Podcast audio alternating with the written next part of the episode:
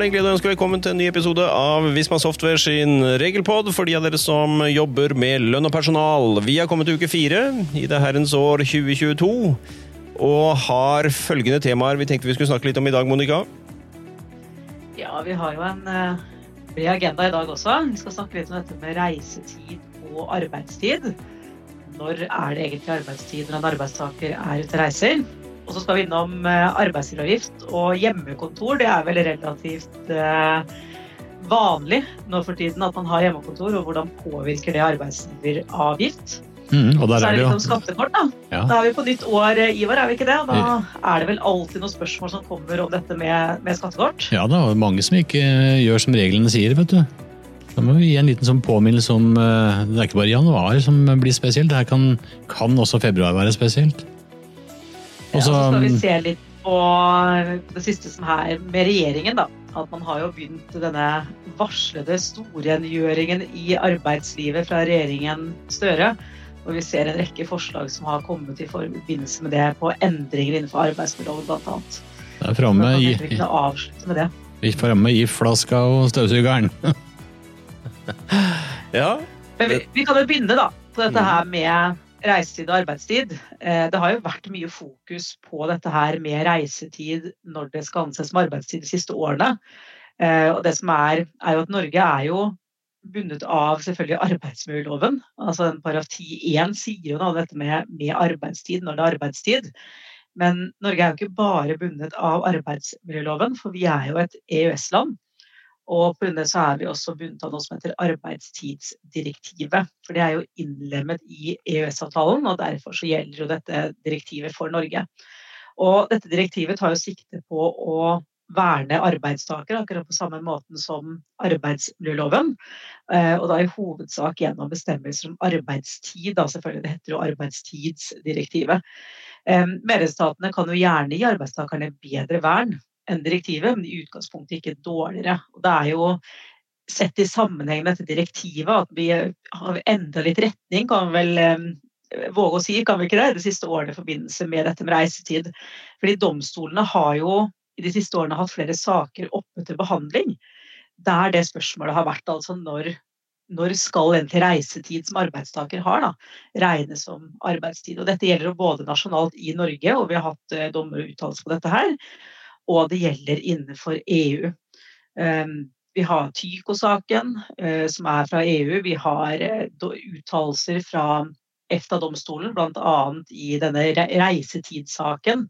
Ehm, Tue-saken, som sikkert mange kjenner til om, som gjelder en politimann.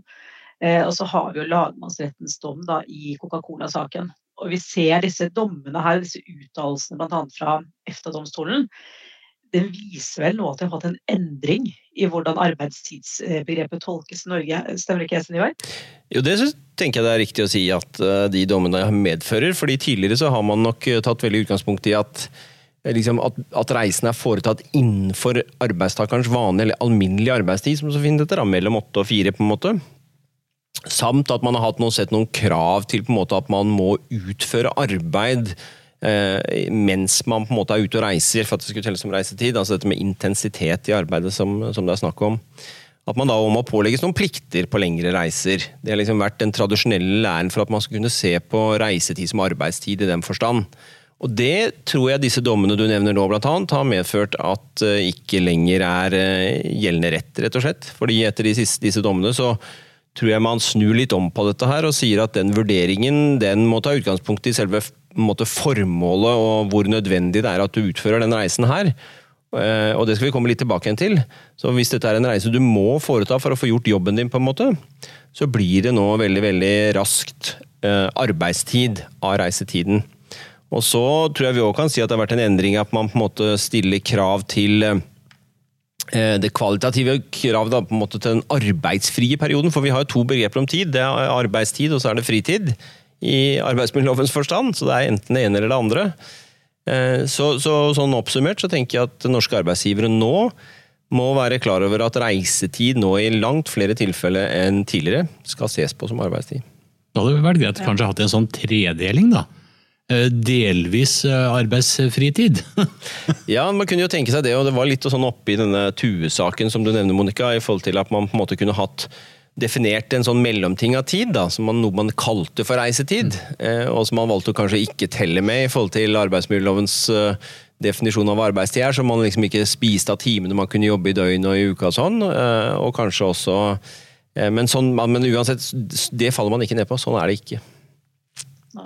Og hvorfor snakker vi om det nå? på en måte? Jo, det er jo for at det har kommet enda en uttalelse. Eh, vi skal ikke si at den kom akkurat nå, for den kom vel i juli mm. eh, i fjor mm. fra EFTA-domstolen. Men den har vel kanskje drukna litt i alt som har kommet i forbindelse med korona.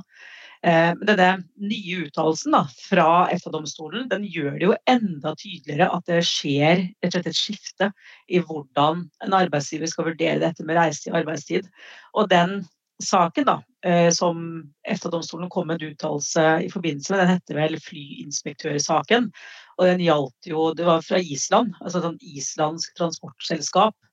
Eh, og den ansatte her den hadde jo normalt fast oppmøtested på Island. Eh, Jobba på hovedkontoret her og hadde egentlig arbeidstid fra åtte til fire. Men arbeidsoppgavene hans da tilsa at han måtte reise noe. Blant annet så måtte han reise til Israel, til Saudi-Arabia. Det var ganske lange reiser. Eh, for å utføre inspeksjoner slett, av fly i utlandet. Eh, og Da måtte han jo reise for å komme seg dit, og i den reisetiden så var han i utgangspunktet ikke pålagt noen arbeidsoppgaver. Men spørsmålet som ble reist da, i saken, var jo om den tiden som han brukte på å reise mellom hjemmet sitt eller til hovedkontoret eh, på Island og destinasjoner i utlandet, var det arbeidstid eller ikke. Så han reiste jo øh, søksmål om det her. Og under behandling av den saken så valgte jo domstolen på Island å spørre EFTA-domstolen til råds. Litt sånn som vi så eh, Høyesterett gjorde i forbindelse med denne eh, reisetidssaken. Og her ble det jo nok en gang presisert fra EFTA-domstolen at utgangspunktet eh, er at tid benytta på reise er på en måte arbeidstid, da, hvis man ser på arbeidstidsdirektivet eh, artikkel 2 nummer 1. Um, og hva er det egentlig som skal til? For de har jo satt, satt opp tre momenter da, i, den, i, disse uttalelsene. At uh, for det første så må jo arbeidstakeren utføre sin virksomhet eller sine arbeidsoppgaver innenfor rammen av arbeidsrolle. Og det andre momentet de uh, kommer med, det er jo at man skal stå til arbeidsgivers disposisjon. Og det tredje er jo at arbeidstakeren den skal være i arbeid.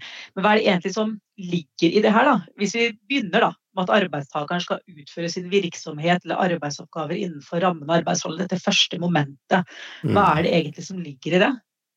Jeg tenker Vi kan starte med å presisere at disse dommene handler om der arbeidstaker reiser til et annet sted enn sitt faste oppmøtested og sitt faste arbeidssted. Det er da dette er en issue. fordi en, en reise til og fra jobb på vanlig måte til det du kan kalle en arbeidsreise, da, til hjemmefra til jobben, til et fast oppmøtested, det er jo på en måte det er, det er, fritid. Det regnes ikke som arbeidstid som den store store hovedregel. Sånn har det vært før, og sånn er det i dag. Men i alle disse dommene så handler det jo om, sånn som i denne, eh, den saken du nevner nå, så er det jo en person som, som en del av arbeids, eller jobben sin slett, må reise til et annet sted enn denne faste oppmøtestedbiten. da. Uh, og, og, Det er der uh, denne utviklingen kommer i forhold til om dette skal ses på som arbeidstid eller ikke. Når det gjelder første momentet, så er jo hele clouet, poenget, at du må være pålagt på en måte å reise. så Det ligger innenfor eh, det, vi, det som så fint sies å være rammen av arbeidstakerens forpliktelser som følger av den arbeidsavtalen du har, eller de instrukser arbeidsgiveren din har nedsatt. Eller altså, det reelle innholdet i arbeidsforholdet. Du gjør den reisen fordi det er nødvendig for å få gjort jobben din, rett og slett. Eh, og det er clouet. Eh, I forhold til det, det, det, første. Og da må jo arbeidsgiver, da, i en sånn setting, når man skulle vurdere om dette er arbeidstid for denne arbeidstakeren, det her handler om i det konkrete tilfellet, stille seg spørsmål om hvorfor reiser arbeidstakeren? Eh, og er det nødvendig at arbeidstakeren gjør det for å få gjort jobben sin, rett og slett? Det er det som er litt folkelig sagt, ligger i dette punkt én. Ja. Så Vi skal prøve å overføre til en annen situasjon. Da. La oss ta oss som eksempel. Altså Hvis vår arbeidsgiver nå hadde pålagt oss å reise til si Trondheim da, for å holde et kurs, mm. da vil jo reisen ditt i utgangspunktet oppfylle det første momentet, altså det første vilkåret som ligger i denne uttalelsen fra EFTA-domstolen. ikke sant? Ja, det vil være det er helt enig i. Det, det vil være hvis man på en måte må ha fysisk oppmøte i Trondheim for å få gjort jobben din. Nå skal du holde et kurs face to face i Trondheim, ja, så må du nødvendigvis flytte kroppen din dit. Eh, og hvis du da reiser La oss si du jobber da på kontoret ditt til mellom åtte og fire, som vanlig. Ja. Eller du sitter på hjemmekontor og utfører arbeid på samme måten, og så på ettermiddagen skal du reise til Trondheim. At du er klar morgenen etter. Så vil selve reisetiden sånn som dette er nå, oppfylle det momentet som vi er innom nå. i forhold til at Dette er jo en nødvendig del for at du skal få holdt dette kurset som du skal holde i morgen. Ergo blir reisetiden eh, arbeidstid i arbeidsmiljølovens forstand. Ja, og Hvis vi ser på de neste to momentene, jeg tenker kanskje vi kan se de i sammenheng, for de er jo egentlig såpass nær tilknytta hverandre, syns jeg. da. Dette her med de momentene med å stå til arbeidsgivers disposisjon, og dette her med at man skal være i arbeid. Eh, hva ligger i de? For de også må jo være oppfylt for at man skal være innenfor at reisetiden er arbeidstid. Ja, det tenker jeg er helt riktig. Og her har det vært en type endring, sånn som jeg nevnte innledningsvis, hvordan den tradisjonelle måten å se på dette var så tenker jeg nå at man har snudd litt på det eh, i, i, denne sammenhengen her. Eh, det at måte, å se på kravene da, til, til denne arbeidsfrie perioden. Eh, så innebærer jo den at måte, arbeidstakeren fritt og uavbrutt sier man kan beskjeftige seg med egne interesser, og at hvileperiode skal anses for å være effektiv og ikke utgjøre arbeidstid. Det er et sitat. Eh, det betyr at her ser man på hviletiden og kvaliteten på den. Eh, når det gjelder eh, dette momentet her. Og i flyinspektør, denne saken du nevnte, så slo jo nettopp denne EFTA-domstolen fast da at reisende innebar at arbeidstakeren ikke selv sto fritt til å disponere tiden etter sine egne interesser mens han reiste. Og dermed så måtte han også anses å stå til arbeidsgivers disposisjon i denne sammenhengen her. Og det som kanskje er poenget i den saken her, det er jo at man også påpekte at det gjaldt selv om arbeidstakeren i perioder av reisen, som her var en flyreise, var inaktiv og ikke kunne kontaktes av arbeidsgiver f.eks. Og så sitter du på flyet, eh, så så man på en måte det at du kan sitte i et flysete og slappe av, sove, se en film eh, under en flyreise i forbindelse med et jobboppdrag, det gjør på en måte at reisetiden likevel anses som arbeidstid. Eh, og det er jo en Den har vi ikke fått så tydelig før som akkurat i den saken.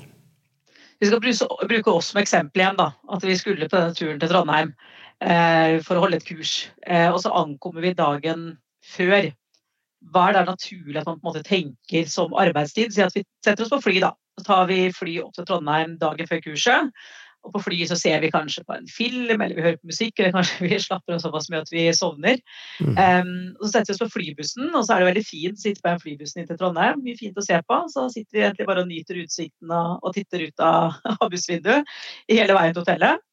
Og når vi kommer til hotellet, så kanskje sjekker vi inn og slapper av litt på rommet før vi går ut og tar, spiser en middag og slapper litt av. Og så kommer vi tilbake på hotellrommet igjen legger oss ned, sover, og så starter vi dagen etterpå med en god frokost. Og så holder vi kurset, og så er det på flybussen og fly og så hjem igjen. Men det er vel ikke slik å forstå da at det er arbeidstid fra tiden vi reiser hjemmefra helt til vi kommer hjem igjen fra Trondheim i en slik situasjon? Nei, Hvis det hadde vært sånn, så ville vi ikke kunne reist. Da ville jo på en måte vår arbeidsgiver blitt lovbryter i et sånt tilfelle, og det ville jo ikke vært mulig å få til i praksis. Men selve reisetiden altså La oss si at du sitter hjemme da, eh, og har jobbet til fire.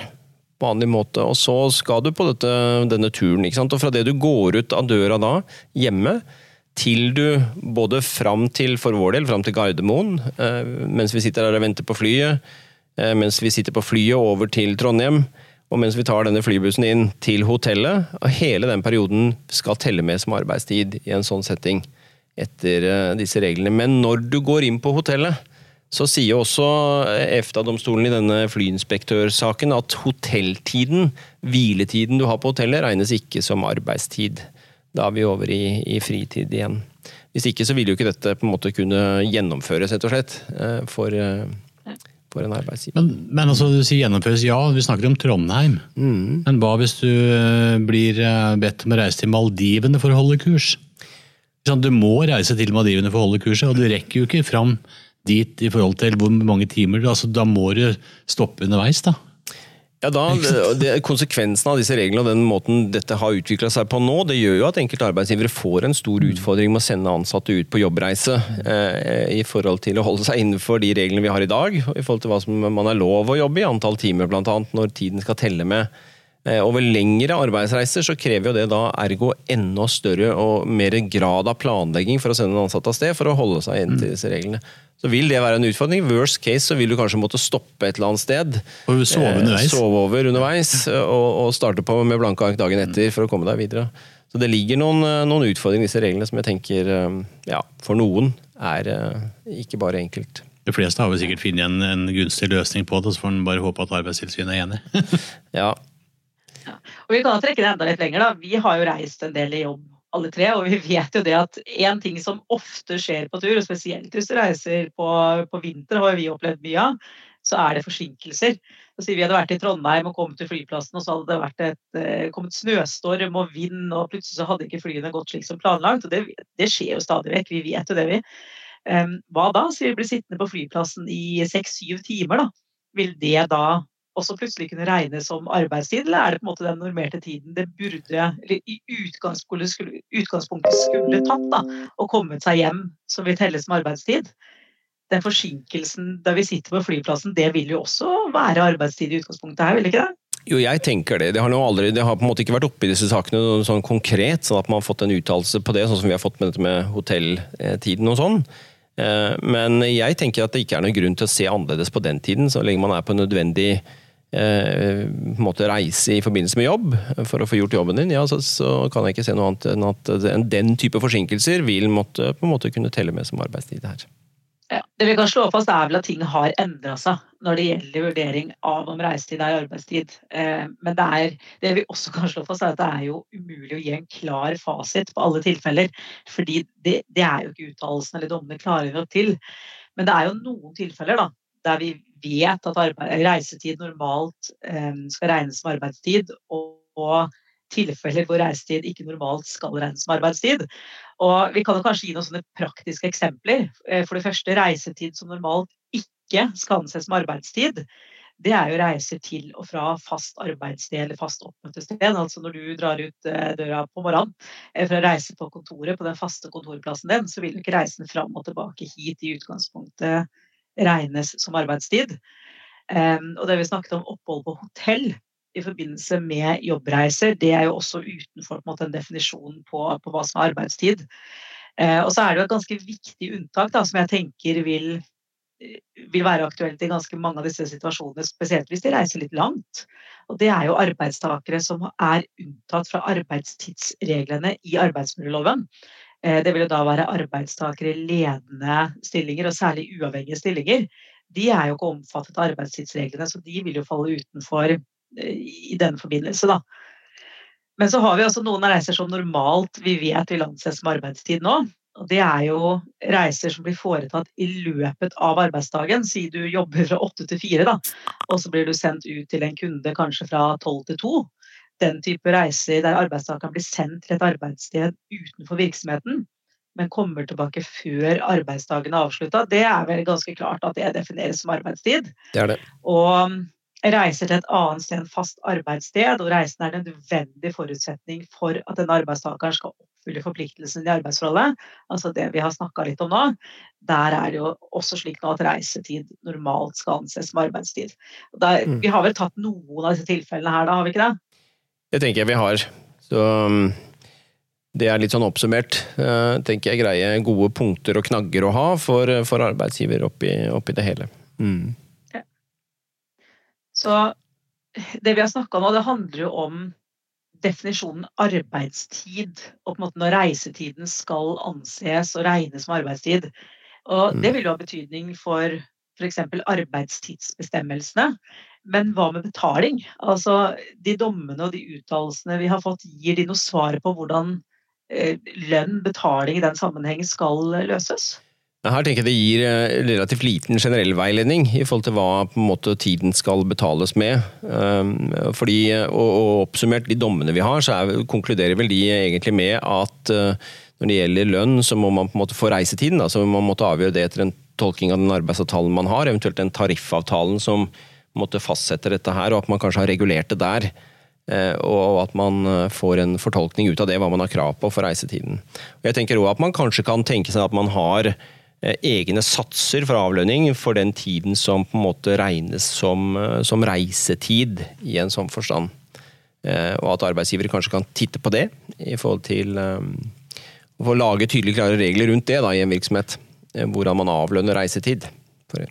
Men selve dommene gir ikke noe generelt godt svar på de tingene. Det, det ender bare opp med å fortolke de avtalene, tariffavtalene som man på en måte strides om. Har vi noen siste råd på veien da, til arbeidsgivere vedrørende dette med reise til arbeidstid? Vi vet jo at når verden er litt mer normal da, enn det den er akkurat nå, så er jo dette her en problemstilling som opptar veldig mange arbeidsgivere. Og vi, vi vet at vi har fått veldig mye spørsmål om det her. Mm. Så har vi noen gode råd på veien? Ja, jeg tenker jo at man uh, uansett, da, konsekvensen av, av, den uh, rettsutviklingen som vi har hatt med disse dommene, det gjør nok at, uh, at, dette med reisetid fort får konsekvenser for planlegging av arbeidet til de ansatte, når, i hvert fall de som reiser herunder hva som skal anses som hviletid, daglig ukentlig arbeidstid, overtid osv. Så eh, sånn at, eh, ja Hvis jeg var arbeidsgiver i det hele, og jeg har ansatte som reiser mye, så ville jeg på en måte lagt ned litt jobb i å presisere hvordan vi løser det hos oss, eh, og hvordan man skal organisere det når man skal ut og reise. Og at man kanskje har litt mer fokus på planlegging av ansatte som skal ut og reise, når de reiser, osv. Og, så og hvordan, ikke minst hvordan man kompenserer for reisetid. Eh, det ville jeg forsøkt å fått ned i en personalhåndbok f.eks. Eh, i en bedrift, og fått litt tydelige, klare regler rundt det.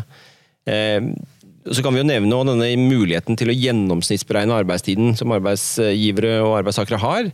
Man kan lage en snittberegning. Man kan da sant, få flere timer i både døgnet og per uke, for så vidt, de, uten at man da toucher opp mot bl.a. dette kravet til overtid. Og prøve å legge det inn i perioder hvor det, det reises, kanskje. Det kan jo òg være en, en, en, greie å titte på i den sammenheng. Så det var litt om det. Eh, jeg tenker vi kanskje kan legge bak oss dette med reise til arbeidstid eh, der. Eh, og mm, For i dag? For i dag, ja. Og gå over på, på litt ja Hva med hjemmekontor?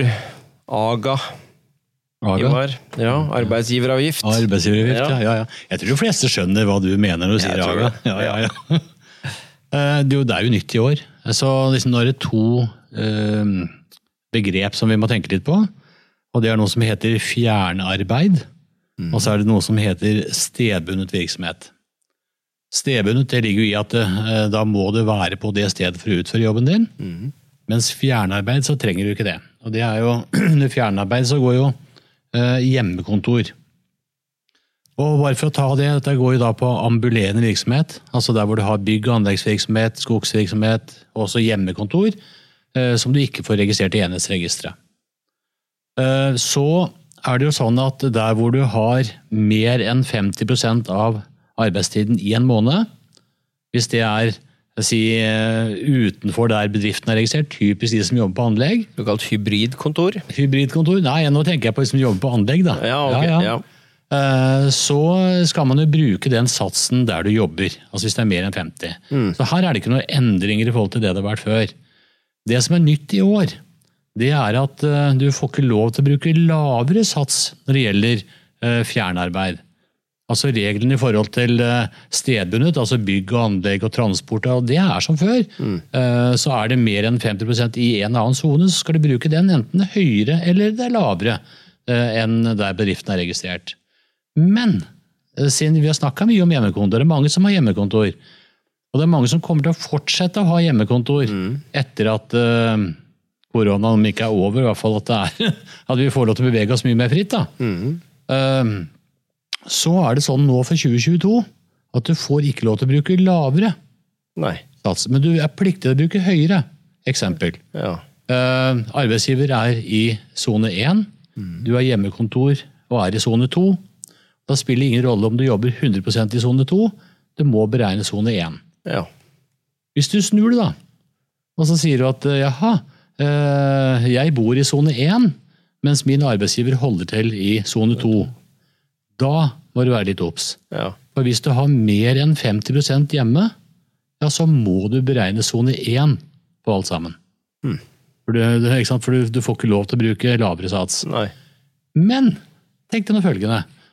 Eh, arbeidsgiver eh, er da i sone 1. Du bor i sone 2, og så har du 40% hjemme. Er det da ambulerende? Nei, det er ikke det. Nei. Og da blir det også sone 1. Ja. ja. Uh, så obs, alle dere som har hjemmekontor, som har ansatte som da er i en sone som er lavere enn bedriften. Du får ikke lov i 2022 til å bruke lavere sats. Veldig bra. Det var greit å få avklart. Det må vi ha med. Ja. ja. Skal vi bevege oss til skattekort, da, eller? Ja, jeg nevnte vel innledningsvis at det er en eh, Jeg tror de fleste faktisk gjør feil her. Men ja. nå er det jo sånn at uh, Du får skattekort i Eller du ikke uh, får skattekortet for 2022 gjort tilgjengelig for arbeidsgiver. Ja. Og så er vi i januar. Ja, og da har du en særregel. Ja. ja. Og det er at da skal du bruke det sist kjente skattekortet fra året før. Ja. Og det skal du bruke. Eh, og det, det, jo, det, ligger jo i systemene, så det, det, det brukes jo helt automatisk. Yep. Um, men så kommer du, og det er helt greit, og du skal gjøre det. Men så, og det spiller ingen rolle hva slags skattekort det er. Så har du frikort, eller har du, du har kildeskattekort, så er så det samme. Så er det det du bruker. Ja. Så her skiller man ikke på hva slags type skattekort. Da er det sist kjente fra i dette tilfellet 2021 som da skal brukes. Mm. Og så kjører du lønn for januar, og så kommer du til februar, så får du skattekortet for 2022. Og så har du kanskje fått lest inn da, skattekortet for 2022. Korreksjon, da. Da skal du korrigere. Mm. Og da skal du korrigere innen februar er over. Og da må du sjekke jaha, hva trakk jeg i januar? Hva skulle jeg ha trukket? Og differansen må du da enten trekke eller gi tilbake i februar. Ja. Og hvis du trekker mer, så skal du. Og det tror jeg veldig veldig få som gjør. Ja. Og det, det, Dette her er jo en manuell jobb for de som har uh, omtrent alle lønnssystem. Men dette må jeg få lov til å si. Jeg sjekka med Marius i går. Hvordan gjør payroll det her? Ja. Uh, og da er det faktisk sånn at du har muligheten til, uh, for å slippe å gå på hver enkelt, så må du lage en sånn si ekstrakjøring for januar, når det nå er i februar. Og så leser du skattekortene, og så sletter du ekstrakjøringen. Og når du da kjører februarlønn, så. så skjer det helt automatisk. Til verden. Da trekkes altså det i forhold til det det skulle ha vært. da. Så automatikken på payroll det er Litt sånn ekstrajobb for å få det til, men bare, bare spør Marius og Wenche og de, så, så ordner det seg. Men det er også nok et eksempel på at verden faktisk går framover. Altså.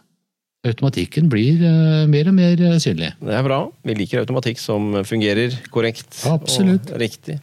Hva med kildeskattekort, da, Ivar? Ja, akkurat det samme som jeg nevnte. Mm. hvis du har kileskattekort eh, i, i, fjor, og så har du f.eks. utbetaling av feriepenger nå i januar, mm. men vedkommende kanskje reiser tilbake igjen til eh, utlandet, der kommer ifra fra, ja. ja, så har du ikke fått noe skattekort i år, for de må jo søke om skattekort. Men eh, vedkommende kanskje slutta, men får feriepenger i januar. Ja, ikke noe innledt skattekort for 2022. Nei, da er det kildeskatt. Mm. Fordi det er skattekort fra i fjor. Ja. Ta, hvis denne personen kanskje kommer igjen i, i april, da, ja. Ja, og så tenker han at nei, du, jeg vil jo ikke ha kildeskattekort, nå vil jeg ha ordinært skattekort. Ja. Hva gjør du da? Da leser du det ordinære skattekortet, og så trekker du som vanlig. Men det betyr at den kildeskatten som du trakk i januar, den vil skatteetaten automatisk gjøre om til forskuddstrekk. Ja. Egentlig ganske enkelt. altså. Fiffig. Ja, ja. Så bra. Var det noe mer du lurte på? Når Nei, nå, nå, føler jeg at jeg har mer enn nok med å fordøye det du har sagt nå. Så um, jeg tenker at det får, får holde. Skal vi um, gå videre, da? Vi har jo fått en ny regjering. Ja, og storrengjøring var ikke det jeg sa. Fram med støvsugeren og GIF og vaskekluten, og nå skal vi virkelig rydde opp her. Ja. ja. Um, de, har, de, de, er i gang. De er det. Ja. Vi er ikke overraska over det, da. De har jo sagt hele tiden at de skal komme med mer regelendringer som går på arbeidslivet, så det kommer jo ikke som noe stort sjokk. Men uh, de har jo kommet med en del forslag allerede, da. Mm. Um, for det første så har de jo foreslått å fjerne denne generelle adgangen til midlertidige ansettelser. Denne bokstav F som kom for en stund tilbake, som var vel ganske diskutert når den ble innført. Så det er vel ikke et sjokk at de nå planlegger å fjerne den. Eh, og så har de også gått på dette med bemanningsforetak. Her kommer det et forslag at de anbefaler et forbud mot innleie fra bemanningsforetak på byggeplasser i Oslo Viken mm. eh, og tidligere Vestfold. Eh, og I tillegg så kommer jo regjeringen med forslag om flere sånne generelle endringer i innleiereglene i arbeidsmiljøloven som gjelder alle virksomheter. Men dette her at det går på byggebransjen f.eks., det har jo vært um, mye støy rundt det de siste årene. og det Her ønsker man å få mer orden rett og slett i arbeidslivet og sørge for, et, for tryggere rammer, og bedre rammer for arbeidstakerne. Eh, og Det siste kanskje vi kan nevne som foreslås i denne omgangen her, da, det er jo at regjeringen foreslår å styrke retten til heltid rett og slett å lovfeste en heltidsnorm, og at man innfører et dokumentasjonskrav ved ansettelser i deltidsstillinger. Og at man også ønsker nå å gi deltidsansatte fortrinnsretten til ekstravakter. Så vi ser at det er en del forslag som har kommet. Men vi kan kanskje starte bare med å si to ord om dette med midlertidige ansettelser. Da hva betyr egentlig den endringen de nå uh, foreslår? Dette her med å fjerne adgang til generell midlertidig ansettelse, ta bort denne bokstav F. Og I tillegg så kan vi kanskje nevne er det, Blir det ulovlig nå å ansette deltidsstillinger? Er det det det innebærer, denne endringen de, de kommer med? Hmm. Hva tenker du? Eh, for å begynne med denne første biten, da, med midlertidig ansettelse, så er jo det altså Hovedregelen i norsk, norsk rett er jo vært eh, fast ansettelse. Det fremgår jo av på en måte 14.9 i arbeidsmiljøloven. Eh, at det på en måte er, Og så har disse unntakene som er gitt av hvor man kan ansette midlertidig. og da, Her fikk vi jo 1.7.2015, så innførte man jo en generell adgang, altså uten å stille noen vilkår i realiteten. At man kunne trekke inn arbeidskraft midlertidig. Og det er jo den som nå da blir borte. Og Der er man jo kommet så langt at man allerede har fremsatt en proposisjon for det. Sånn at eh, det blir jo spennende å se om det går igjennom eh, på, på, i Stortinget, og at man får eh, bli fjernet. Men det ligger vel, som du sier, i, i, i Støre sin valgkamp på at dette var en del, noe man på en måte gikk til valgkamp på, at denne skal også fjernet. Så her Det var jo en varsla endring. Mm. Varsla endringsforslag, ja. Så det blir mindre mulighet til å bruke midlertidig arbeidskraft. Det er vel uh, konklusjonen på det, tenker jeg. Uh, etter uh, Her vil det jo alltid være en evig dragkamp, avhengig av hvem som sitter ja. i regjering. Så er jo dette midlertidighet er jo på samme måte som foreldrepenger. En diskusjon vi aldri blir ferdig med, egentlig. Helt klart. Når det gjelder det andre du nevnte, dette med deltid, så er det absolutt en realitet i det. Så vi går jo mot fast ansettelse, og vi går mot full stilling, kan du si. Eh, man vil dette med deltid, eh, eller ufrivillig deltid til livs, i alle fall. Og Derfor så foreslår man jo nå, da, som man har sendt ut på høring, regler om å lovfeste eh, en heltidsnorm og innføre en form for dokumentasjons- og begrunnelsesplikt når man skal ansette deltidsstillinger. Slik at arbeidsgiver da må både dokumentere og begrunne hvorfor. Man må velge en deltidsvariant her. Ehm, og Det betyr at vi får en ny bestemmelse, eller er foreslått en ny bestemmelse i arbeidsmiljøloven som man, eh, vi, finner, kommer til å finne i 14.1b, som det heter. Som da lovfester denne heltidsnormen. Ehm, hvor det da vil stå at det er på en måte hovedregelen i norsk arbeidsliv å ansette i heltidsstilling. Eh, og Har man behov for deltid, så skal det dokumenteres av arbeidsgiver. og Da foreslår man nå at arbeidsgiver i den sammenheng skal drøfte det med de tillitsvalgte på jobben rundt behovet for bruk av deltid. Eh, og at Arbeidstilsynet faktisk skal få kompetanse til å gi pålegg og treffe det vi kaller enkeltvedtak mot arbeidsgiver, for å sikre at dokumentasjons- og drøftelseskravet gjennomføres i praksis. Det kan bli spennende å se hvordan det der skal foregå. Så får vi også to endringer i en bestemmelse som allerede i dag gjelder for deltidsansatte, i 14.3, som styrker det vi kaller fortrinnsretten til eh, måte full eller større stillingsprosent for en deltidsansatt, fremfor at man bruker ekstern arbeidskraft. Og Her eh, vil man for det første lovfeste at disse deltidsansattes fortrinnsrett eh, ikke bare skal gjelde overfor ny ansettelse i bedriften, men også skal kunne brukes der man velger innleie som en måte å knytte til seg arbeidskraft på. Eh, og For det andre så legger man da forslag om at man også skal lovfeste en fortrinnsrett for deltidsansatte, som da skal gå foran ved såkalte ekstravakter eller lignende. Så Det vil jo være to punkter hvor man utvider dagens regel i 14.3 til å styrke disse deltidsansatte ytterligere. Så De er sendt på høring. Eh, så De er ikke kommet fullt så langt at det foreligger en proposisjon ennå, men vi følger opp den og holder dere a jour på, på, de to forslagene etter hvert som de kommer opp for behandling. Ja. Kan du si to ord om de foreslåtte endringene i reglene om innleie òg, eller kanskje vi bare skal kort nevne det også, hva det innebærer? Ja, det kan vi godt gjøre. Det er jo en veldig fokus på bruk av arbeidskraft via på en måte å knytte seg til dette via bemanningsbyråer. Eh, og bruke innleid arbeidskraft istedenfor ansettelse, eh, som sikkert mange har fått med seg om dagen. Eh, og Her kommer man til det forslaget som er lagt frem nå. Da, det er at Man vil gi en forskrift med forbud faktisk mot å bruke innleid arbeidskraft fra bemanningsforetak på byggeplasser i Oslo, Viken og tidligere Vestfold. Så er veldig sånn geografisk styrt forbud som blir gitt i en eh, forskrift. Så vil man oppheve adgangen til å bruke innleid arbeidskraft ved arbeid som ikke er av varig karakter, altså ved såkalt midlertidig karakter. Så man, eh, får man heller ikke lov til å benytte innleid arbeidskraft. Og så vil man gi de som leies inn, når man først kan, bruker det, flere rettigheter enn de har i dag. Som f.eks. sier de å utvide retten til å bli fast ansatt etter en viss tid. Som innleid til å gjelde flere tilfeller. Og og korte ned det tidsperspektivet på det før man får en rett til faktisk å være fast ansatt. Og Her ser vi jo når det gjelder bruk av på en måte, vikarbyråer, så har vi jo allerede bare, bare i nyhetene denne uka her, har vi jo sett dette her i, i helsesektoren. Hvor vi har, har eh, innleiebyråer som ikke har betalt det de skal betale eh, i helseforetak, eh, og som da ender med at de blir suspendert i forhold til det å overhodet få, få rett til å levere innleid arbeidskraft inn i helsesektoren. Så dette er, er betydelige innstramninger for den bransjen, vil jeg si. Og, og, så får vi se hvordan det også går etter hvert som dette blir tatt opp til behandling.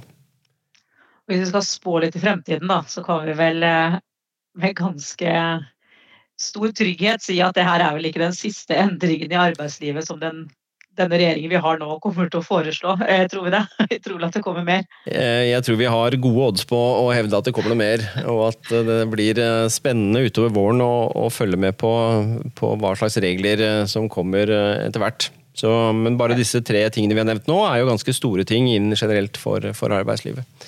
Så, ja, og Vi vet jo ikke hvordan forslagene kommer til å ende. Altså, det, her er det jo forslag, men det kan jo komme endringer på det som er foreslått. Så vi får oppfordre dere til å følge med på kommunen, til å følge med på Regelpod, for vi kommer jo til å ta opp det her fortløpende når, eh, når endringer både blir foreslått og vedtatt. Gjør det. Vi legger ut, sender ut og holder dere oppdatert i forhold til nye og endrede ting etter hvert. Det var vel det vi hadde på, på lappen i dag. Eh, og mm, da sier vi hjertelig tusen takk til Vegard, som har styrt lyden i dag. Til Ivar og Monica, som har vært med eh, og snakket litt i dag. Og Sven Ivar, som sitter og avslutter her nå. Så ønsker vi dere fortsatt en god uke, og så høres vi igjen om eh, 14 dagers tid.